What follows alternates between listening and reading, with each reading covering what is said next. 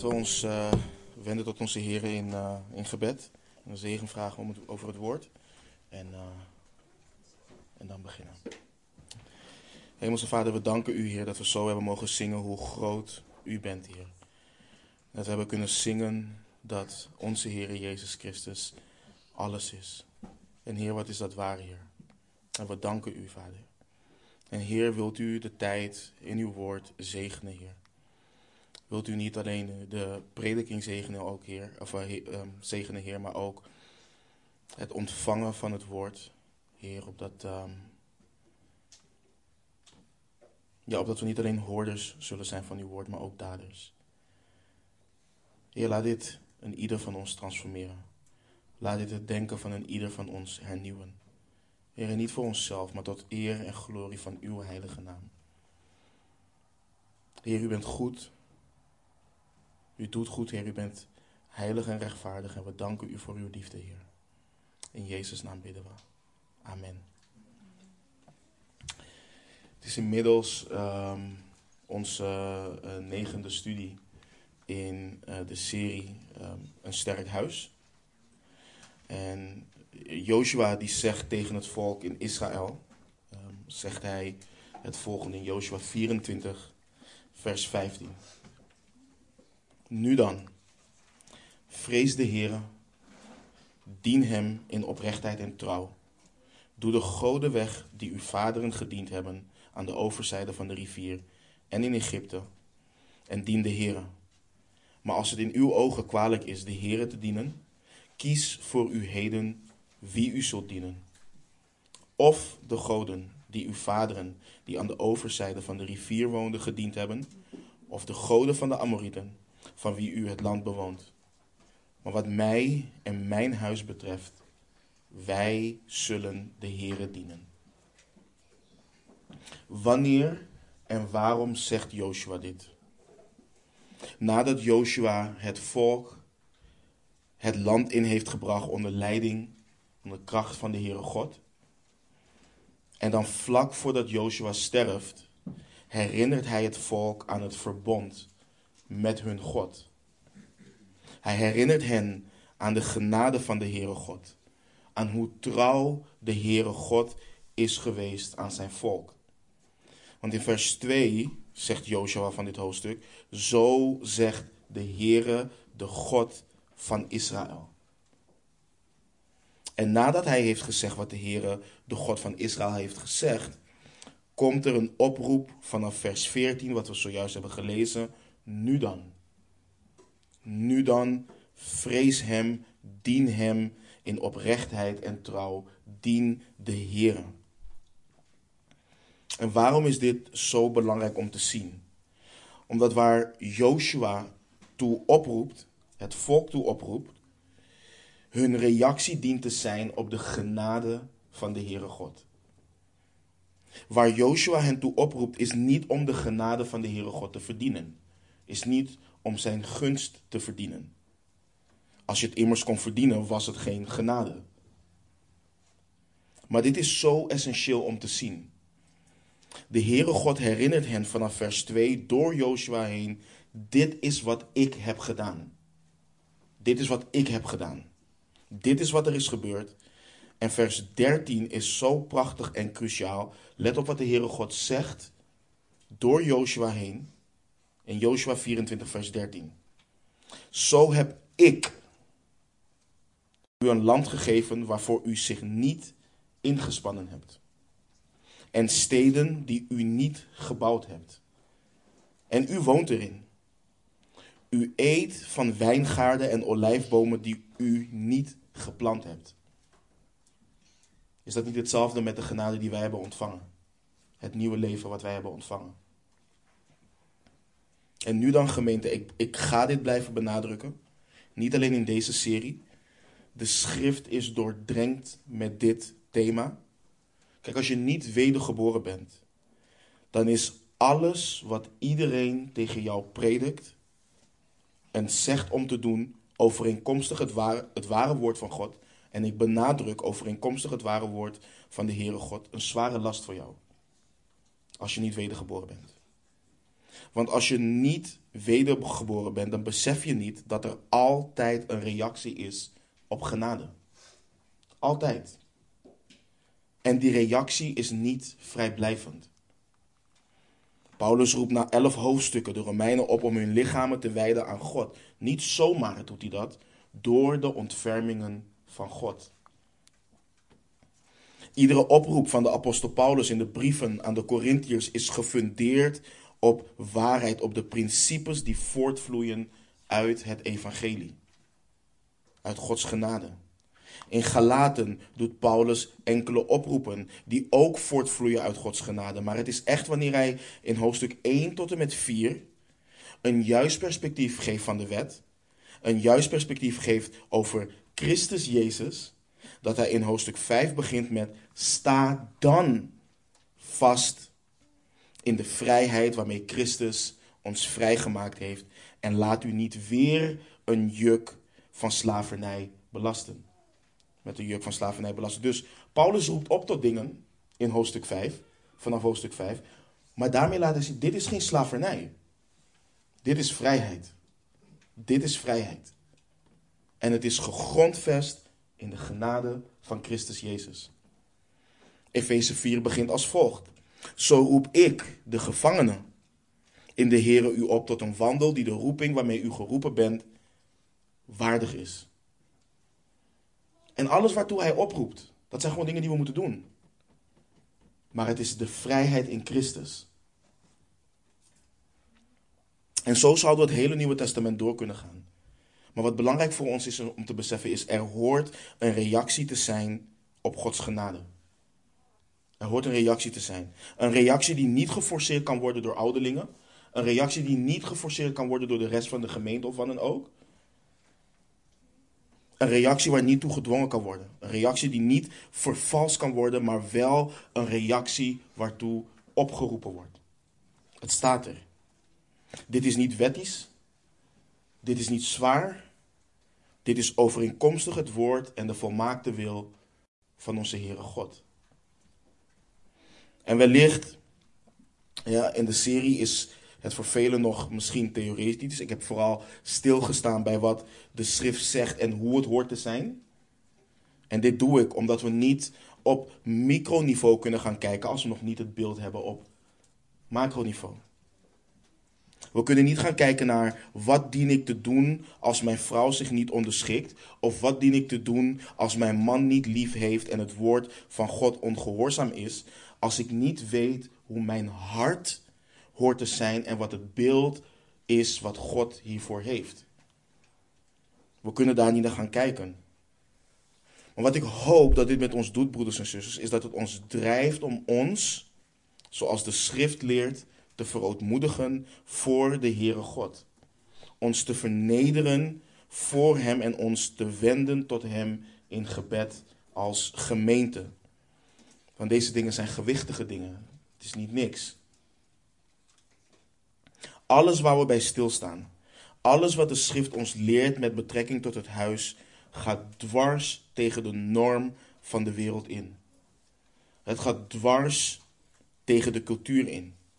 Maar het gaat ook dwars tegen het vlees in.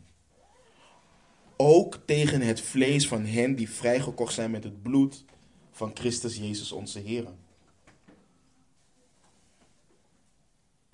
Het onderwerp waar we vorige week bij stilstonden, is een onderwerp waar je tegenwoordig voor gecanceld wordt. Niemand wil dan meer naar je luisteren. Hoe kun je um, in, in 2023, nadat vrouwen zoveel hebben gestreden voor de rechten van vrouwen, zeggen dat de vrouw gemaakt is als hulp? Hoe kun je zeggen dat ze gemaakt is als helper? Hoe kun je zeggen, na al die dingen, dat de man het hoofd is van de vrouw? Dat is precies waarom we moeten opstaan voor de rechten van vrouwen, omdat mannen zoals ik dit soort dingen prediken, zeggen feministen. Maar gemeente, onthoud, laat je niet misleiden met mooi klinkende redeneringen. Pas op dat niemand je als buit meesleept door de inhoudloze verleidingen en filosofieën volgens de overlevering van mensen, volgens de grondbeginselen van de wereld, maar niet volgens Christus. Vrees de Heer, zoals Joshua zei. Dien Hem in oprechtheid en trouw. Onderschik u aan de gezonde leer. Dan zul je Hem werkelijk behagen. En vorige week hebben we stilgestaan bij de rol en verantwoordelijkheid van de vrouw. Vandaag gaan we kijken, net zoals we bij de mannen hebben gekeken, naar de kenmerken en het karakter van volwassen bijbelse vrouwelijkheid. Bij de mannen zei ik het al en hier zeg ik het ook. Je kunt weten wat je verantwoordelijkheid is, je kunt weten wat je rol is, maar je dient ook te weten hoe je hart gevormd dient te zijn. Wil je op een godverheerlijkende manier je verantwoordelijkheid en rol als vrouw opnemen, dan moet je weten waartoe vormt de Heere God mij? Waartoe wilt Hij mij vormen? En net zoals bij de mannen, de stereotyperingen van de wereld, zit het er bij vrouwen ook niet in. Bijvoorbeeld de uiterlijke dingen waarvan de wereld zegt, daar worden vrouwen door gekenmerkt. Het zit hem niet in make-up, het zit hem niet in winkelen, het zit hem niet in over-emotioneel zijn, zoals de wereld vrouwen typeert. Voor de getrouwde mannen onder ons, net zoals de vrouwen de mannen niet schuin moesten aankijken, kijk je vrouw niet schuin aan en zeg niet tegen haar, hoor je, hoor je wat hij zegt? Doe dat alsjeblieft niet. Bid voor je vrouw, rust haar toe, bemoedig haar, onderwijs haar en leid haar hierin tot eer en glorie van de Heere God. Zusters, dit is wat je wilt najagen. Dit is waarvoor je wilt bidden en je wilt onderschikken aan de Heere God. Mannen die, die nog niet getrouwd zijn, dit is wat je zoekt in je toekomstige vrouw. Nou, kijkend naar wat we vorige week ook hebben gezegd, kijkend naar het feit dat vrouwen getraind, grootgebracht, opgevoed dienen te worden om helpers te zijn, of ze nou trouwen of niet, of ze kinderen krijgen of niet, zijn de punten waar we bij gaan staan, uh, stilstaan iets wat iedere goddelijke vrouw dient te kenmerken. Wat een echte goddelijke vrouw dient te kenmerken. Nou, laten we beginnen bij het eerste. Een essentieel kenmerk, dat hebben we bij de mannen ook gezien. Een essentieel kenmerk van, vrouwelijke, van volwassen bijbelse vrouwelijkheid is een vrees voor de Heere God. Een vrees voor de Heere God. Vorige week lazen we naar de dienst, Spreuken 31, vers 30. Bevalligheid is bedriegelijk en schoonheid vergankelijk. Een vrouw die de Heere vreest, die zal geprezen worden. Die zal geprezen worden. Een vrouw die de Heere vreest. Alles, maar dan ook alles vloeit hieruit voort. Alles. Hoe een vrouw zal zijn, hoe een vrouw gevormd zal worden, hoe een vrouw zal reageren in situaties en de keuzes die ze wel en niet maakt, alles vloeit voort uit de mate waarin ze de Heere God vreest. Betekent dit dat een vrouw die de Heere God vreest nooit zal struikelen in hoe ze reageert? Betekent dit dat de Godvrezende vrouw volmaakt zal zijn in al haar handelen en wandelen? Absoluut niet. Absoluut niet. We kijken allemaal uit. Allemaal uit naar de dag dat we een verheerlijk lichaam zullen hebben en niet meer onderhevig zijn aan dat struikelen, vallen en zonde. Maar nu is dat nog niet zo. En dat geldt dus ook voor de Godvrezende vrouw. Lieve zusters, het is essentieel dat je diepgaande kennis hebt van de Heere God. Ik ga hier in het volgende punt wat dieper op in, maar het is essentieel dat je weet wie de Heere God is. Dat je weet dat de Heere God hetzelfde is voor jou als vrouw als voor jouw broeder. Vrouwen hebben vaak, en ik heb het vaak gezien in, in, in, in, in, in, in vrouwen onderling. Vrouwen hebben vaak de illusie dat de Heere God vrouwen als een prinsesje behandelt. Want ik ben immers zijn dochter. En dat hij van de mannen veel verwacht. Van de mannen verwacht hij veel. Dat hij de mannen aan een immens hoge standaard houdt. Vergis je niet, zusters. Hij is één en dezelfde God voor man en voor vrouw. Let op hoe Rahab in Joshua 2 vanaf vers 9 spreekt over de Heere God tegen die spionnen. En zij zei, en, en zei tegen die uh, mannen: Ik weet dat de Heere u dit land gegeven heeft en dat de schrik voor u op ons gevallen is. En dat al de inwoners van dit land weggesmolten zijn van angst voor u.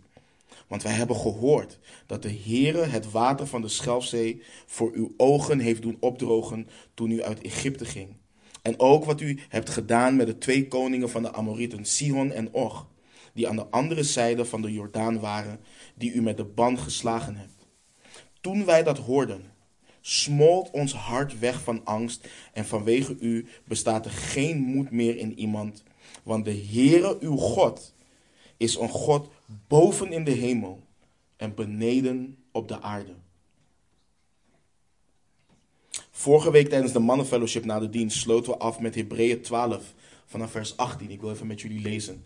Ik heb hem niet op het scherm, want het is best wel een lang stuk. Hebreeën 12 vanaf vers 18. Laten we het samen lezen.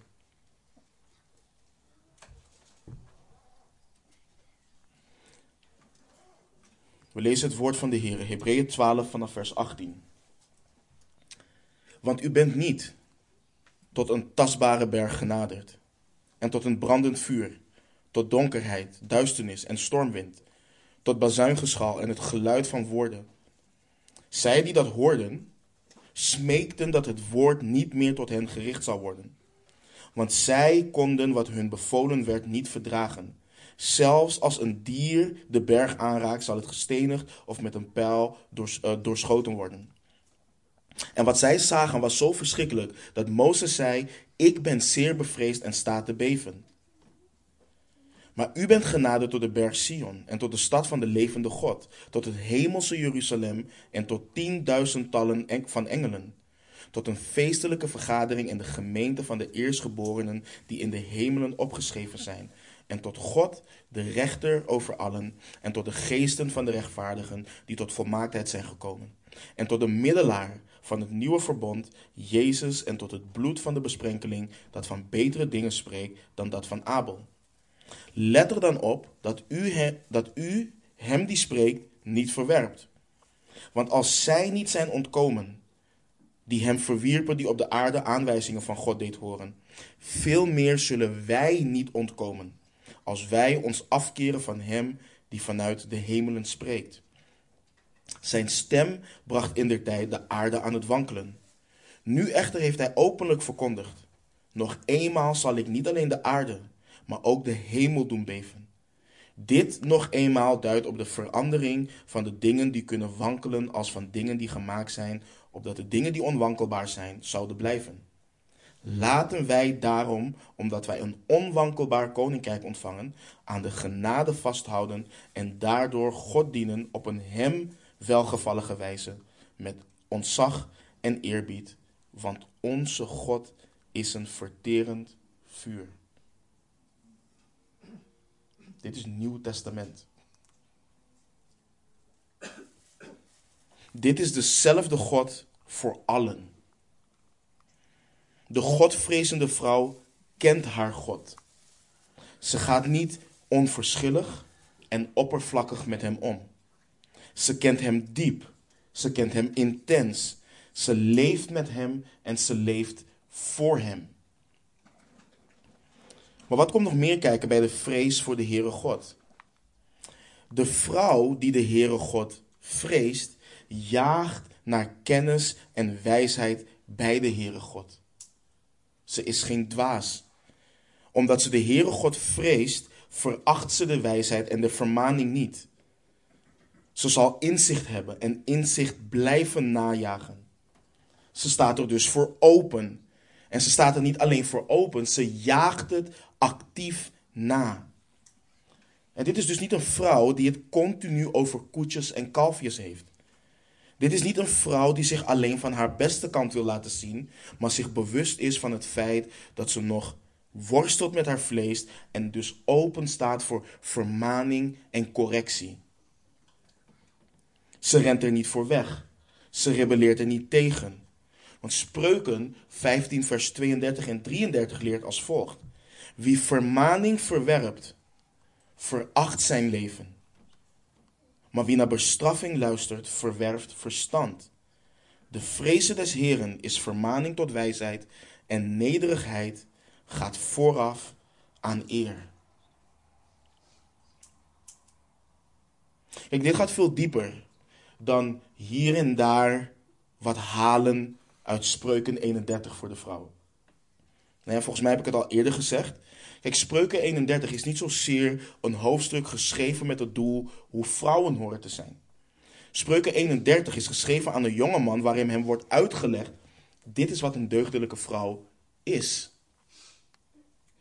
Dit is hoe een vrouw die de stem van wijsheid, die op de pleinen klinkt, heeft gehoord en haar roepstem heeft beantwoord. Vergeet niet, spreuken gaat over wijsheid. En omdat vrouwen in de schrift kunnen zien hoe een deugdelijke vrouw wordt omschreven, kunnen vrouwen dit actief najagen. Maar wat ik al eerder zei, je kunt spreuken 31 niet scheiden van de rest van de eerste 30 hoofdstukken. Kijk, het is makkelijk om naar spreuken 31 te kijken en zeggen: Oh, ik moet als vrouw vroeg opstaan en laat gaan slapen. Ik moet ervoor zorgen dat mijn man en kinderen eten en kleren hebben. Oh, ik moet mijn eigen dekens maken. Deze vrouw doet al deze dingen omdat ze de Heere God vreest, omdat ze wijsheid heeft. Dat is waarom ze dat doet. En de vrezen des Heren is het beginsel van kennis. Het beginsel van wijsheid is de vrees des Heren en de kennis van de heiligen is inzicht. Het is pas wanneer je als vrouw eerbiedig ontzag hebt voor de Heere God, dat je overeenkomstig de kennis, de wijsheid in Hem, kunt gaan handelen en wandelen op een manier wat de Heere God behaagt, wat Hem verheerlijkt. Eerbiedig ontzag voor de Heere God gaat je beschermen tegen het handelen overeenkomstig je eigen gevoelens als vrouw. Een eerbiedig ontzag voor de Heere God, een vrees voor Hem, produceert in je hart een vrees om tegen Hem te zondigen en drijft je dus tot vreugdevolle gehoorzaamheid aan Hem. Dus een kenmerk, een belangrijk kenmerk van volwassen bijbelse vrouwelijkheid is de vrezen des Heren. Nou, ons volgende punt. Wat is nog meer het karakter van volwassen bijbelse vrouwelijkheid? Wat kenmerkt het nog meer? Dat ze een vrouw van Gods woord is. Wanneer we komen bij de opvoeding, gaan we hier ook dieper op in. Maar is het jullie opgevallen dat Salomo in spreuken niet alleen schrijft: luister naar de vermaning van je vader? Dat is niet het enige wat hij schrijft. Hij schrijft in spreuken 1, vers 8: veronachtzaam het onderricht van je moeder niet. En in spreuken 6, vers 20 herhaalt hij dat weer. In Titus 2 moeten oudere vrouwen leraressen zijn van het goede. Je kunt dit niet doen en je kunt niet weten wat goed is als je niet de vrouw van Gods woord bent. En ik heb het al eerder gezegd. Er heerst een vals idee in kerken dat vrouwen continu aan de melk dienen te zitten. Dat het voor hun toereikend is of dat het juist voor hun weggelegd is om boekjes te kopen met overdenkingen gebaseerd op één vers, geschreven door vrouwen, om die te lezen. Dat vrouwen in de keuken bezig horen te zijn, dat vrouwen christelijke romans dienen te lezen en dat mannen Mannen moeten bezig zijn met diepe theologische kwesties. Dat vrouwen het alleen met eh, babyvoeding, Instagram en Pinterest en dat soort dingen moeten hebben. Dat is een idee wat vaak heerst in kerken. Dat mannen bij de lezingen zijn van die ene grote spreker. En vrouwen het maar doen of moeten doen met de pastor's wife. Ik weet niet eens wat dat is, de pastor's wife, maar daar moeten zij het vaak mee doen. Maria zat aan de voeten van de Heer Jezus en luisterde naar zijn woord. Zij liet zich onderwijzen. En dat geldt ook voor vrouwen. Vrouwen hebben onderwijs nodig. Het woord van de Heere God, wat de waarheid is, heiligt zowel mannen als vrouwen. De wet van de Heere bekeert de ziel voor zowel vrouwen als mannen. Het geeft zowel mannen als vrouwen wijsheid. Het verblijdt het hart van zowel mannen als vrouwen. Het verlicht de ogen van zowel mannen als vrouwen. Als een vrouw wilt wandelen overeenkomstig de wil van de Heere God, als ze wil dat haar karakter wordt gevormd en haar hart wordt gevormd naar een karakter en het hart wat de Heere God behaagt, dan dient ze een vrouw van Gods woord te zijn. Een vrouw die zich e- ijverig en met vrees voor de Heer verdiept in zijn woord. Zusters, laat dit heilige boek niet van je wijken. Laat het niet van je wijken. Laat het woord van Christus in rijke mate in je wonen. Laat zijn woorden op je hart zijn. Bind ze, bind ze als een teken op je hand. Laat ze als een voorhoofdsband tussen je ogen zijn. Het is alleen wanneer je een vrouw van Gods woord bent, wanneer je echt van Gods woord houdt, omdat je van Hem houdt, dat je zal willen gaan leven overeenkomstig Zijn woord, om het niet te lasteren, zoals er staat in Titus 2. Kijk, als de Heere God het je schenkt om te trouwen, als de Heere God het je schenkt om moeder te worden, dan zal alleen dit woord je leren hoe je je man dient lief te hebben op een Godverheerlijkende manier. Dit woord alleen zal je leren hoe je je kinderen moet liefhebben op een Godverheerlijkende manier.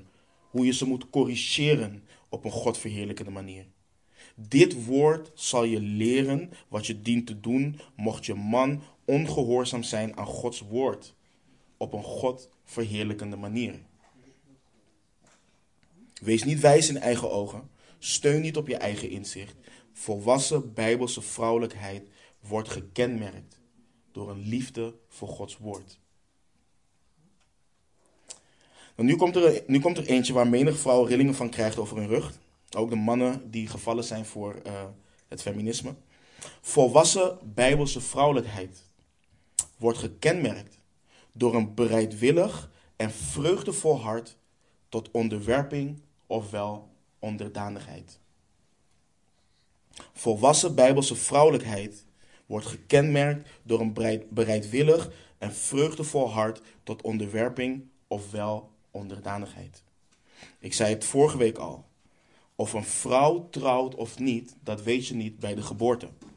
Maar je voedt een meisje op tot een vrouw met de gedachte dat zij en haar wellicht toekomstige man zich zullen hechten aan elkaar en één vlees zullen worden.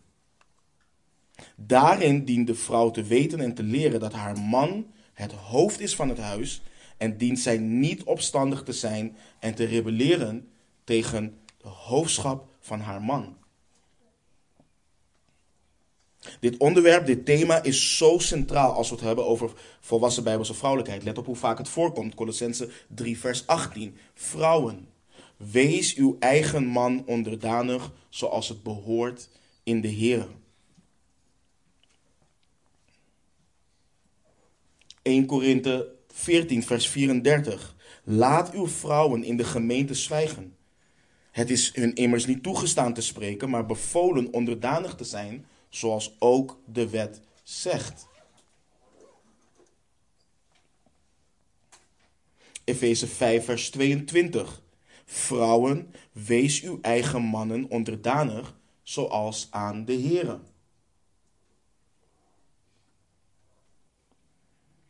Titus 2, vers 3 tot en met 5. Evenzo moeten de oudere vrouwen in hun gedrag zijn zoals het heiligen pas, geen kwaadspreeksters, niet verslaafd aan veel wijn, maar leraressen van het goede. Opdat zij de jongere vrouwen leren verstandig te zijn, hun man lief te hebben, hun kinderen lief te hebben, bezonnen te zijn en kuis, te zorgen voor hun huishouden, goed te zijn, hun eigen mannen onderdanig te zijn, opdat het woord van God niet gelasterd wordt. 1 Petrus 3, vers 1. Evenzo. Want het is makkelijk, hè? Ja, nee, ja, als mijn man christen is, als hij de Heere vreest, als hij de Heere navolgt, dan doe ik al die dingen die hiervoor stonden. 1 Petrus 3, vers 1. Evenzo, vrouwen, wees uw eigen mannen onderdanig, opdat ook, als sommigen aan het woord ongehoorzaam zijn, zij door de levenswandel van de vrouwen zonder woorden gewonnen mogen worden. En waarom is dit belangrijk? Omdat de Heere God dit heeft bepaald in zijn soevereiniteit en alwetendheid, dat dit nodig is in een sterk huis wat hem wil behagen.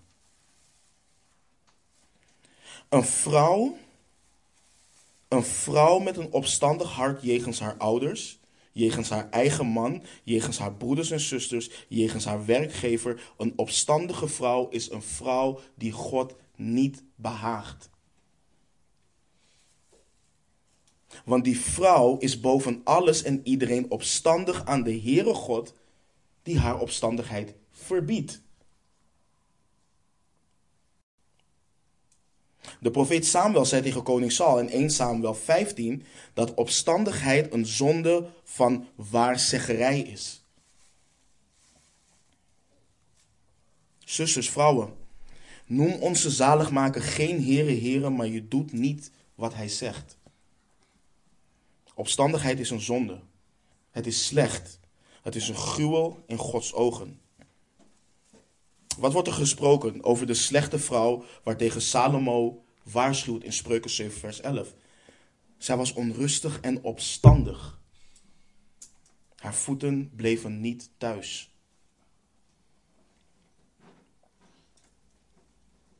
Maar de deugdelijke vrouw, de deugdelijke vrouw, die heeft zich in haar hart onderworpen aan de Heere God en is daarom gehoorzaam aan Hem in alle aspecten van haar leven. Lieve mensen, dit begint thuis al. Dit begint thuis. Moeders, dit begint bij je dochters alleen al op de manier waarop jij je verhoudt jegens je man. Gemeente, hoor me alsjeblieft goed. Een vrouw die opstandig is in haar huwelijk tegen haar man, die zich niet onderschikt aan hem, zoals de Heere God het leert, en haar kinderen daar getuigen van zijn, die vrouw heeft, als Gods immense genade niet is over de volgende generatie, die vrouw breekt eigenhandig het huwelijk en het huis van haar kinderen af.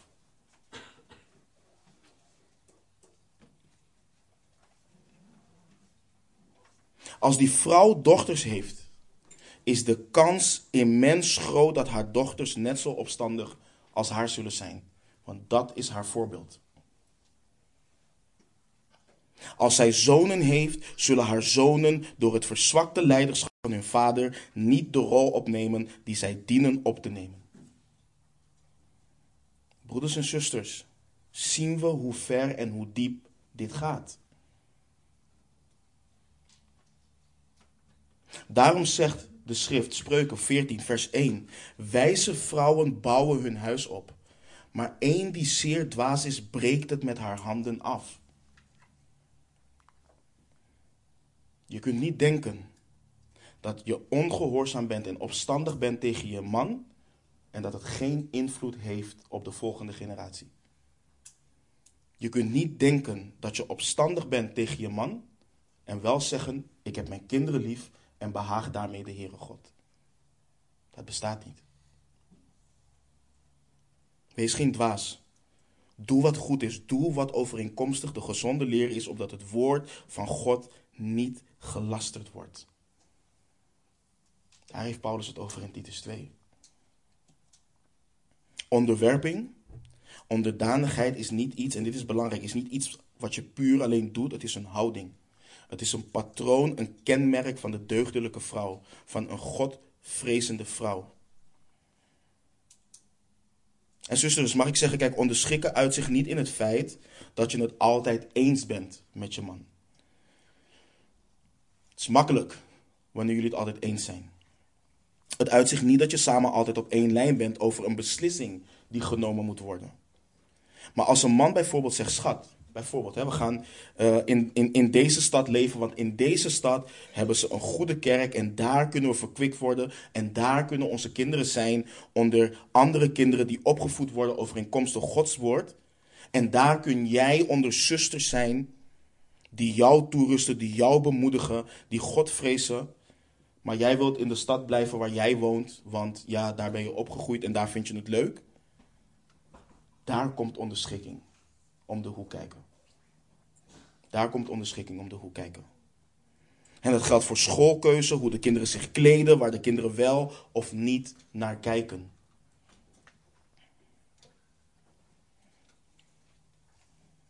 En laat me nog over een belangrijk ding uh, uitweiden. Zij die tegen ehm, de onderdanigheid van de vrouw zijn, zijn vaak bang voor het feit dat een man zijn positie of rol gaat misbruiken. En de geschiedenis heeft het laten zien dat dat is gebeurd. Ze zeggen dan ook dat hun eigen man deze rol niet opneemt of niet in staat is om deze rol op te nemen. En het dus gevaarlijk is om deze doctrine te onderwijzen. En laten we heel eerlijk zijn in wat het probleem is. Het probleem is vaak dit. Dat je getrouwd bent op een, moment, op een moment dat je niet had moeten trouwen en getrouwd bent met een man waar je niet mee had moeten trouwen. Dat is vaak het probleem. Het is niet de doctrine, het is niet de theologie, het is niet het woord van God wat het probleem is. Want wat de Heere God gebiedt is goed. Want Hij is goed. En begrijp me niet verkeerd. Er is genade, er is vergeving. Als we onze zonde beleiden, is de Heere getrouw en rechtvaardig ons de zonde te vergeven. Maar dit is waar ik, voor, waar ik jullie voor wil behoeden, zusters. Wees verstandig, wees wijs. Als je moet wachten, wacht. Als je moet wachten, wacht.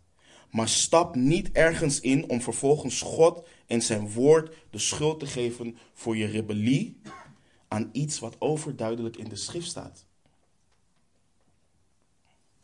Ik kan je niet zeggen hoe vaak ik tegen mensen heb gezegd en mensen heb gesproken: trouw niet met die man. Dat is geen wedergeboren christen. Ja, maar hij laat wel zien dat hij het wil. Hij zegt dat hij een christen is. Hij zegt dat hij gelooft in God. En dan laat je aan de hand van de schrift zien, je hebt niet te maken met een discipel van de Heer Jezus Christus.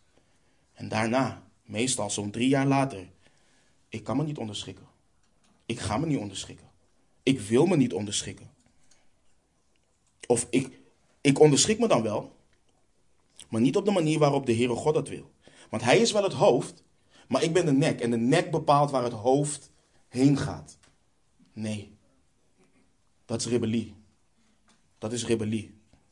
Als dat jouw houding is, ben je een opstandige vrouw die zich moet bekeren. Je bedekt de ongehoorzaamheid van het verleden niet met nog meer ongehoorzaamheid. Je bedekt de ongehoorzaamheid van het verleden met het bloed van Christus door je zonde te beleiden en je te bekeren. Niet door te rebelleren en opstandig te zijn tegen wat er in de schrift staat. De schrift leert dat volwassen bijbelse vrouwelijkheid zich uit in een bereidwillig en vreugdevol hart tot onderwerping ofwel onderdanigheid. Maar lieve gemeente, voor ons ook, wij die vaders en moeders zijn van zonen.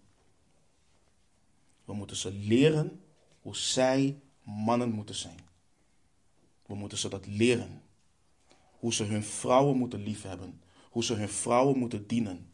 Hoe ze hun eigen leven moeten geven voor hun vrouw, zoals Christus zijn leven voor de gemeente heeft gegeven. Dat moeten we ze leren. Het gaat beide kanten op. Ons volgende punt maakt het punt waar we zojuist bij hebben stilgestaan mogelijk. Volwassen bijbelse vrouwelijkheid wordt gekenmerkt door een vrouw die een zachtmoedige en stille geest heeft. Apostel Paulus schrijft in 1 Petrus 3, vers 4, maar we pakken hem op voor de volledigheid vanaf vers 3. Uw sieraad moet niet bestaan in iets uiterlijks. Het vlechten van het haar, het dragen van gouden sieraden of het aantrekken van mooie kleren. Maar uw sieraad moet zijn de verborgen mens van het hart. Met, een, met het onvergankelijke sieraad van een zachtmoedige en stille geest die kostbaar is voor God. Lees goed wat Petrus schrijft. Dit is kostbaar voor de Heere God. De context is belangrijk en we gaan er uitgebreider bij stilstaan bij deze tekst. Wanneer we duiken in onze studie in deze serie hoe om te gaan met conflicten en ongehoorzaamheid binnen het huwelijk. Maar context is belangrijk. Petrus heeft, het, heeft hen hiervoor in de brief onderwezen op de nederigheid of over de nederigheid van de Heere Jezus in hoofdstuk 2. Dit heeft zijn grondslag daarin. En het begint al in vers 11 van hoofdstuk 2. En dan begint Petrus in hoofdstuk 3 met wel nu. Wel nu, nu dan. En hij schrijft wat de houding van de vrouw hoort te zijn. En hij noemt het dus een zachtmoedige en stille geest. Maar denk voor geen seconde dat Petrus het hier heeft over een zwakke vrouw die nooit wat zegt of die nooit mag wat zeggen. Uh, mag wat, iets mag zeggen. Denk ook niet dat Petrus dus zegt dat een vrouw haar man niet kan vermanen of terechtwijzen. Daar heeft Petrus het niet over. Hij heeft het over een vrouw die zelfbeheerst is. Hij, heeft het, hij, hij neemt het voorbeeld van onze Heer Jezus en dat is wat centraal staat hierin. Lees bijvoorbeeld wat hij schrijft in hoofdstuk 2, vers 22 en 23. Hij, de Heer Jezus, die geen zonde gedaan heeft en in wiens mond geen bedrog gevonden is, die toen hij uitgescholden werd niet terugschold en toen hij leed niet dreigde, maar het overgaf aan hem die rechtvaardig oordeelt. Hij werd uitgescholden, maar schold niet terug. Hij leed, maar dreigde niet. Vergeet niet dat de Heere Jezus de Vader had kunnen bidden en hij zou hem meer dan twaalf legioenen engelen ter beschikking kunnen stellen. Maar daarop volgt dus wat we in 1 Petrus 3 lezen. Dus nogmaals, zachtmoedigheid spreekt niet van zwakte in het geval van de vrouw. Want het spreekt ook niet van zwakte in het geval van onze zaligmaker. Het spreekt juist van immense kracht. Het spreekt van een vrouw die beheerst is in alles wat ze doet. Het spreekt van een vrouw die beheerst is in haar reacties. Zij laat zich niet leiden door haar emoties en laat zich dus ook niet leiden door het gedrag van haar man, door het ongehoorzame gedrag van haar man. Zij laat de situatie niet de overhand nemen en haar handelen en wandelen bepalen. Nee, ze is zachtmoedig.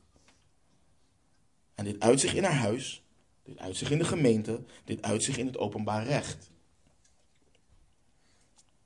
Petrus schrijft, ze heeft ook een stille geest. Dat is haar sieraad.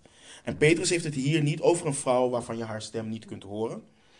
Hij heeft het niet over de volume van haar stem. Hij heeft het hier ook niet over een vrouw die nooit praat en nooit zegt wat ze ergens van, ergens van vindt. Petrus heeft het hier, als je het Grieks bestudeert, over een vrouw die stabiel is.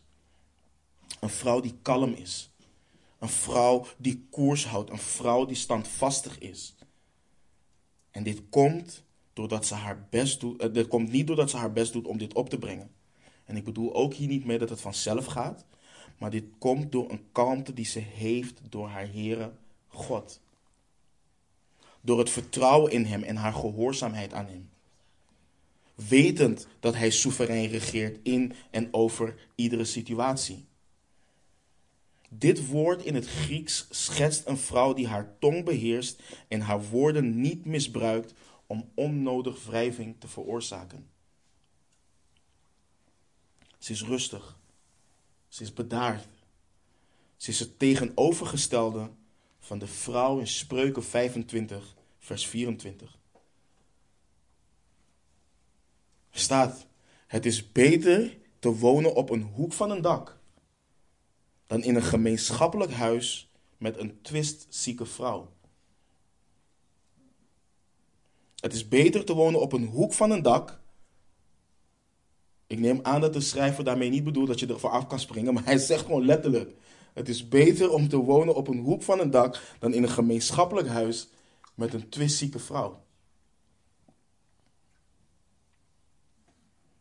En dit komt overeen met wat er in Titus 2, vers 5 staat de vrouw bezonnen dient te zijn en kuis, te zorgen voor haar huishouden, goed te zijn en eigen mannen te, uh, onderdanig te zijn, opdat het woord van God niet gelasterd wordt. Ze is bezonnen. Zei al, beheerst. Bezonnen spreekt in het Grieks van iemand die niet zichzelf bevelen geeft en niet zichzelf aanspoort tot het reageren op de manier waarop ze reageert. Het spreekt van iemand die bevelen van de Heere God krijgt en die opvolgt in hoe ze reageert. Het spreekt van iemand die evenwichtig is. Niet iemand die opeens van 0 naar 100 gaat. En het uit zich ook in het feit dat een vrouw dus geen kwaadspreekster is.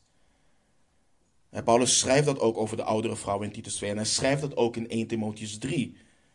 En dit woord kwaadspreeksters komt van het woord diabolos. Diabolos. Het is iemand die lasterlijk spreekt.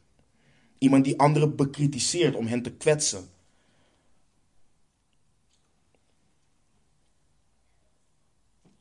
Niet iemand die spreekt om op te bouwen. Niet iemand die spreekt om te bemoedigen. Nee, het is iemand die zich door haar gevoelens laat meeslepen om te spreken wat onbehoorlijk is. Omdat ze geen zelfbeheersing heeft. Ze spreken op een manier om te kleineren en kapot te maken. Dit is geen vrouw die de Heere God behaagt. Dus volwassen bijbelse vrouwelijkheid wordt gekenmerkt door een zachtmoedige en stille geest. En dit brengt ons direct naar het volgende wat hier ook aan verbonden is. Het karakter van de godvrezende vrouw, ofwel volwassen bijbelse vrouwelijkheid, uit zich in het feit dat een vrouw verstandig en wijs is. Ze is verstandig, let op Titus 2, vers 4. Wat, moeten, wat moeten de oudere vrouwen de jongere vrouwen leren om te zijn? Omdat zij de jongere vrouwen leren verstandig te zijn. Hun man lief te hebben, hun kinderen lief te hebben. Spreuken 19, vers 14 leert. Huis en bezit zijn een erfenis van de vaderen, maar een verstandige vrouw is van de Heere. Een verstandige vrouw is van de Heere.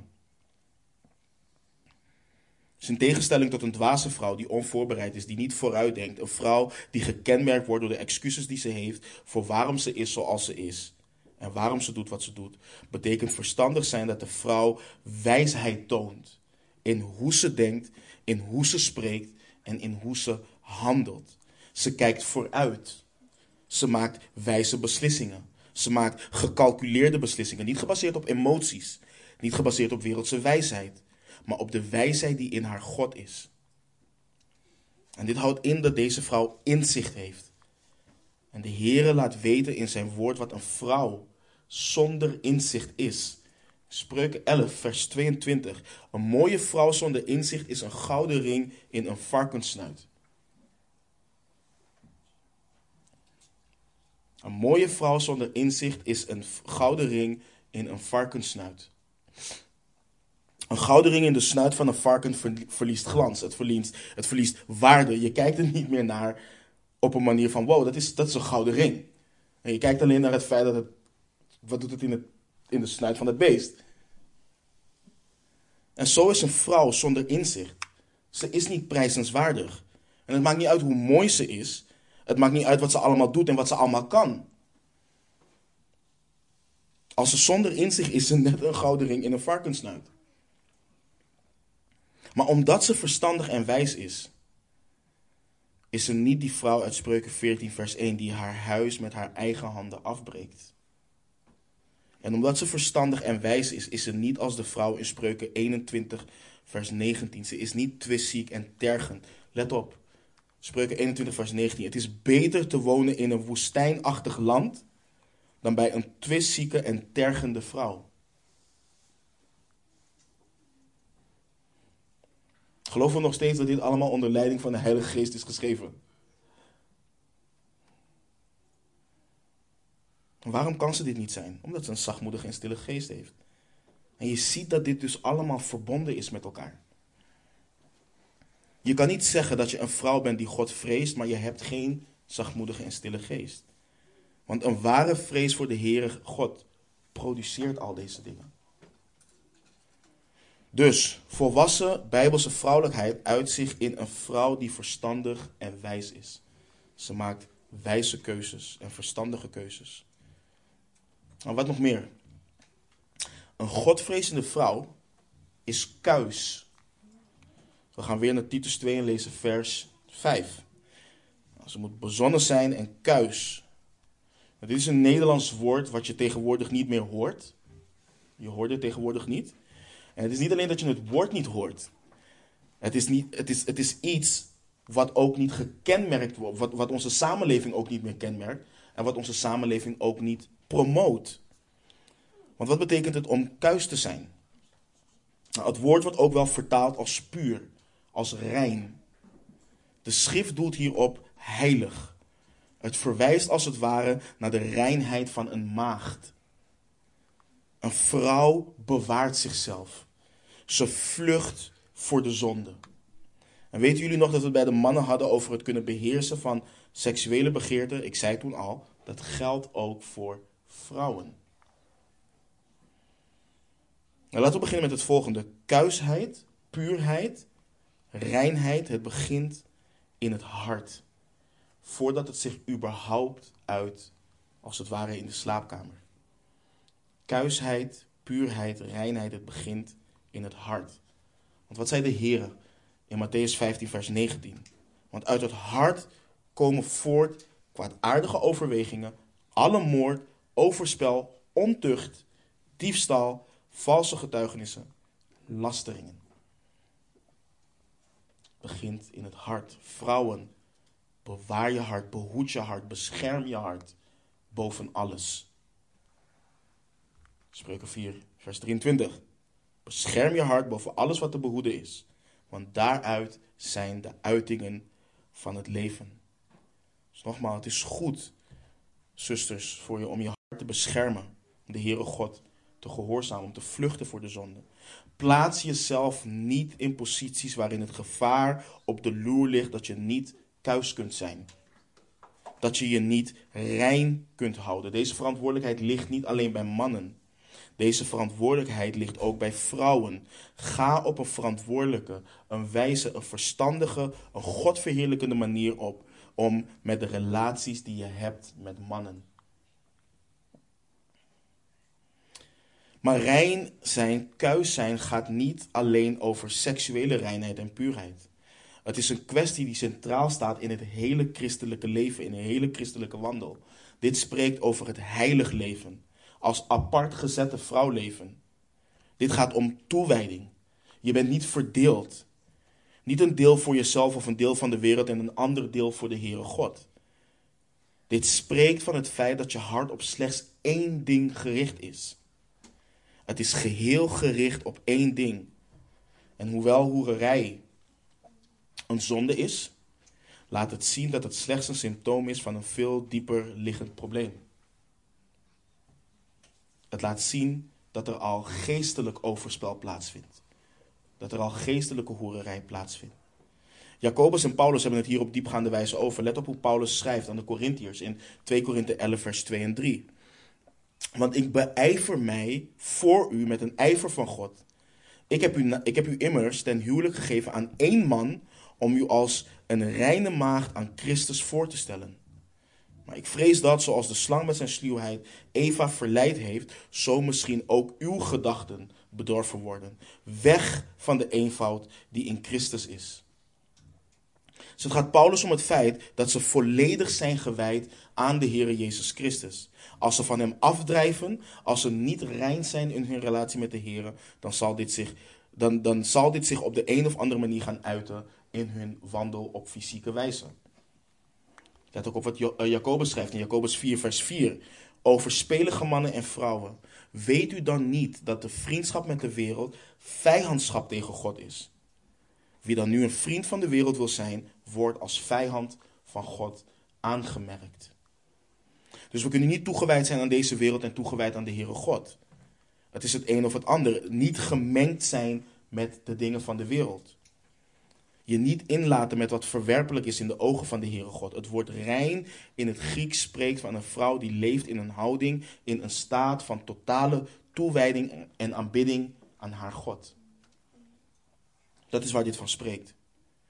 En wanneer je als vrouw zo leeft, dan bestaat het niet dat een man naar je toe komt en zegt: Ik geloof ook in Jezus. En dat dat genoeg voor je is. Nee, je gaat willen weten en willen zien. Je gaat willen toetsen. Leeft hij ook in volledige toewijding aan Christus? Leeft hij zelf rein? Zo niet, tot ziens. Dat hoort het te zijn. Een vrouw die God vreest is kuis, ze houdt zich rein, ze is volledig toegewijd aan Christus Jezus, haar zaligmaker, en de rest vloeit daaruit voort. Nou, wat, wat kenmerkt volwassen Bijbelse vrouwelijkheid nog meer? Dan ga je Bijbel alsjeblieft naar Spreuken 31. Ik heb hem ook op het scherm. Dan kunnen we lezen versen 11 en 12. Let op wat, uh, wat, wat er geschreven wordt. Op haar vertrouwt het hart van haar echtgenoot en bezit zal hem niet ontbreken. Zij doet hem goed en geen kwaad al de dagen van haar leven. Deze vrouw is betrouwbaar. Ze is betrouwbaar. Haar man vertrouwt op haar. En het is niet zo alleen dat dit alleen voor haar man geldt. Dit, dit, dit uitzicht in deze tekst in het huwelijk. Maar dit is een goddelijke vrouw waar, waarop je kunt bouwen. Ze is betrouwbaar. Ze is niet vals. Ze is niet gemeen. Ze is goed voor haar man. Ze doet goed voor haar man. En nogmaals, hetzelfde zou je kunnen zeggen voor haar kinderen, haar broeders en zusters en anderen om haar heen. Mensen weten wat ze aan haar hebben. Ze hoeven niet te twijfelen aan haar motieven. Ze hoeven niet te twijfelen aan haar acties. Ze weten dat wat ze zegt te vertrouwen is en dat ze de waarheid spreekt. Lieve zusters, als er iets is waarvoor je moet bidden, is het de Heere God vragen of Hij dit wilt geven in je hart. Wees altijd betrouwbaar. En lieve ouders, leer je dochters om dit te zijn. Leer ze om dit te zijn. En besef dit. Een gebrek aan vertrouwen brengt zonde alleen maar naar een nieuw niveau en maakt een relatie moeilijk te herstellen. Als er geen vertrouwen is, maakt het een relatie moeilijk te herstellen. Zij dat in je huwelijk, in je relatie met een broeder of zuster, in een relatie met je kind, met je werkgever, ga zo maar door. Volg hierin het voorbeeld van je zaligmaker na, van je God na. Hij is volledig trouw. Hij is volledig betrouwbaar. We weten dat, we beleiden dat. Want we weten dat op basis van geloof, van vertrouwen in Hem, we zalig zijn gemaakt. Door niets anders. Volg zijn voorbeeld na om betrouwbaar te zijn. De psalmist schrijft, Psalm 111, vers 7. De werken van zijn handen, van Gods handen, zijn waarheid en recht. Al zijn bevelen zijn betrouwbaar.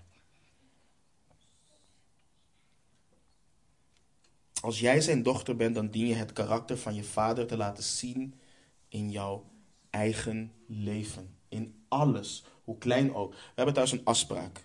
Als wij ergens naartoe gaan, wanneer mijn vrouw een, een, een verrassing heeft voor de kinderen en de kinderen vragen: Mama, waar gaan we naartoe? Dan zeggen we heel duidelijk: Het is een verrassing. We gaan niet dingen zeggen als: Ik weet het niet en al dat soort dingen. We zeggen gewoon duidelijk: Het is een verrassing. Ik wil dat mijn kinderen hun moeder in alles kunnen, uh, uh, kunnen vertrouwen in alles, hoe klein het ook maar lijkt. Ze mogen nooit, maar dan ook nooit denken dat er maar één situatie te rechtvaardigen is waarin ze niet betrouwbaar kunnen zijn.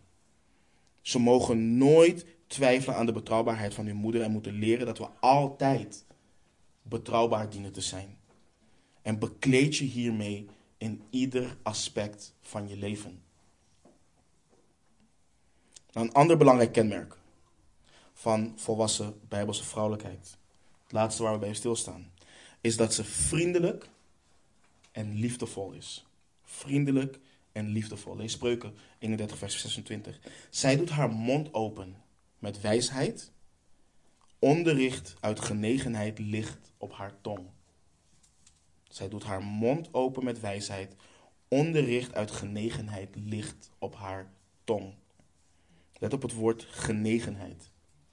In het Hebreeuws is dit woord diep en rijk. Het spreekt van toewijding, gunst.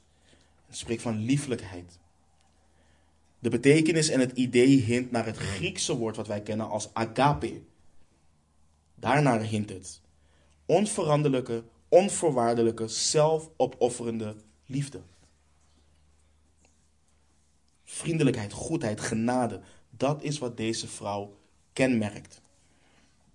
Haar woorden zijn, net zoals Paulus schrijft in Colossense 4, vers 6, aangenaam met zout smakelijk gemaakt. Je zou uren met deze vrouw kunnen praten, want ze spreekt wat goed is. Het is niet een vrouw die weet te benoemen dat de Heere God groot en genadig is, maar vervolgens zie je het niet terug in haar leven.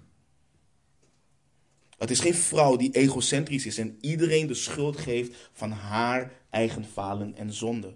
Ze is aardig. Ze is vriendelijk. Ze roddelt niet. Ze is niet onnodig hard. Het is een zegen om bij haar in de buurt te zijn. Dat is onze zuster uit Spreuken 31. Nu, mijn zusters en de rest van de gemeente, wat hebben we gezien? Wat kenmerkt bijbelse vrouwelijkheid, volwassen bijbelse vrouwelijkheid? 1. Ze vreest de Heere God. Ze is een vrouw van Gods woord. Ze heeft een bereidwillig en vreugdevol hart tot onderwerping ofwel onderdanigheid. Ze heeft een stille en zachtmoedige geest. Ze is verstandig en wijs. Ze is kuis. Ze is rein van hart. Ze is betrouwbaar. Ze is vriendelijk en liefdevol. Nou, net zoals bij de mannen weten jullie dat deze lijst aangevuld kan worden met al het andere wat de schrift ons toe oproept om te zijn als discipel van de Heer Jezus. Alle dingen waar de Heilige Geest ons informt wanneer we ons onderschikken aan Hem. We hebben gezien en we hebben stilgestaan bij de teksten die specifiek gericht is op de godvrezende vrouw, de deugdelijke vrouw. Zusters, discipel elkaar hierin. Onderwijs elkaar hierin. Bid voor jezelf en bid voor elkaar. Laat de gemeente, laat je broeders en je zusters je hierin toerusten. Dit is niet iets waar je alleen in groeit door de hele dag je Bijbel te lezen, drie, vier preken per dag te luisteren. Al die dingen zijn noodzakelijk, begrijp me niet verkeerd. Het is noodzakelijk om jezelf toe te rusten in zowel het lezen van de schrift en je te wenden in gebed tot je zaligmaker. Maar net zoals die dingen onmisbaar zijn, is ware fellowship ook onmisbaar. Ware fellowship is onmisbaar. We zijn onderdeel van één lichaam. We zijn niet allemaal hetzelfde. We hebben elkaar nodig omdat de Heere God werkt door broeders en zusters om elkaar toe te rusten. En het is goed, het is goed om het met elkaar te hebben over alledaagse dingen van het leven. Het is goed om het met elkaar te hebben over de praktische dingen van ons wandel. Maar wanneer je als zusters onderling het hebt over de diepe dingen van de schrift en de volmaakte en welbehagelijke wil van de Heere God voor ons, geloof me en geloof de schrift, dan vallen de praktische dingen van onze wandel allemaal op zijn plek. Allemaal. Nog een laatste ding en dan sluit ik echt af. Mijn getrouwde broeders, doe me alsjeblieft een plezier. Geen van deze dingen is in perfecte mate aanwezig in onze vrouwen. Maar als je ziet dat dit aanwezig is bij haar, als je ziet dat de Heere God zichtbaar werkt aan deze dingen en zij zich hier ook in beijvert, prijs de Heere God voor haar, maar bemoedig haar ook hierin. Bemoedig haar hierin. Zeg het haar. Want wij mannen kunnen bekend staan als mannen, als mensen die alleen oplossingsgericht zijn. Zo staan wij bekend. Als er iets aan de hand is, dan zien wij het als iets wat opgelost moet worden en dan zeggen we er wat van. En als er niets aan de hand is, dan is het oké en dan zeggen we er niks van. Dat is wat ons mannen vaak kan typeren en kenmerken. Maar laat het niet zo bij ons zijn als discipelen van de Heer Jezus. Bemoedig je vrouw hierin. Bouw haar op. En zusters, zeg dan niet ja, je zegt het nu omdat hij het heeft gezegd. Neem het aan. Yes? Laten we bidden. Vader, wat een gewichtige dingen. Staan wij bij stil, Heer. Wat ben ik u dankbaar, Heer, voor uw woord. En wat ben ik u dankbaar voor het feit dat uw geest deze dingen bewerkstelligt in vrouwen en onze zusters, Heer. Vader, wilt u hen vormen, Heer? Wilt u hen vormen naar het beeld van uw zoon? Wilt u deze dingen, Heer, bewerken in hun harten, Heer, in hun levens? U kent iedere zuster. U kent ook de dingen waarmee zij worstelen. En ik bid u, Heer, dat zij zich onderschikken aan u en dat dit iets is wat mag groeien, wat vrucht mag dragen in hun leven, Heer. Vader, ik bid u ook voor mijn zusters die leven met een man die hun hier niet in kan toerusten. Die hen hier niet in kan discipelen. Die zoals de apostel Petrus schrijft, ongehoorzaam is aan uw woord. Vader, ik, zie en ik snap dat het zo moeilijk en zo'n enorme strijd kan zijn om je hieraan te wijden en, hieraan, en hierin te wandelen. als, uh, als dit het geval is, Heer. Maar Heer, we weten dat U bekrachtigt en dat U toerust. En dat bid ik dus ook voor mijn zusters. Die leven met mannen die niet geloven. Die leven met mannen die ongehoorzaam zijn. Help hen. Rust hen toe. Bemoedig hen. Bouw hen alstublieft op, Heer. En we bidden ook vurig voor hun mannen. Dat hun ogen open mogen gaan en dat zij zalig mogen worden. Dat zij het goede nieuws van onze Heer Jezus Christus zullen horen en zullen geloven, Heer. Dat ze geboren mogen worden van boven. Maar in de tussentijd, Heer, schenk onze zusters een zachtmoedige en stille geest, opdat zij hun man mogen winnen zonder woorden, Heer. Wij weten niet als mensen hoe dit werkt, maar u bent een bovennatuurlijke God en u doet bovennatuurlijke dingen. En we vertrouwen op u, Heer, want u bent almachtig. En ik bid voor ons als ouders ook, Heer, dat wij onze dochters hierin mogen toerusten en mogen discipelen. En dat dit de volgende generatie mag kenmerken, Heer. Dat er sterke huizen worden gebouwd, omdat u sterke vrouwen toerust, Heer. We houden van u, we danken u, we loven u en we prijzen uw heilige naam. In de machtige naam van Christus Jezus onze Heer bidden we. Amen.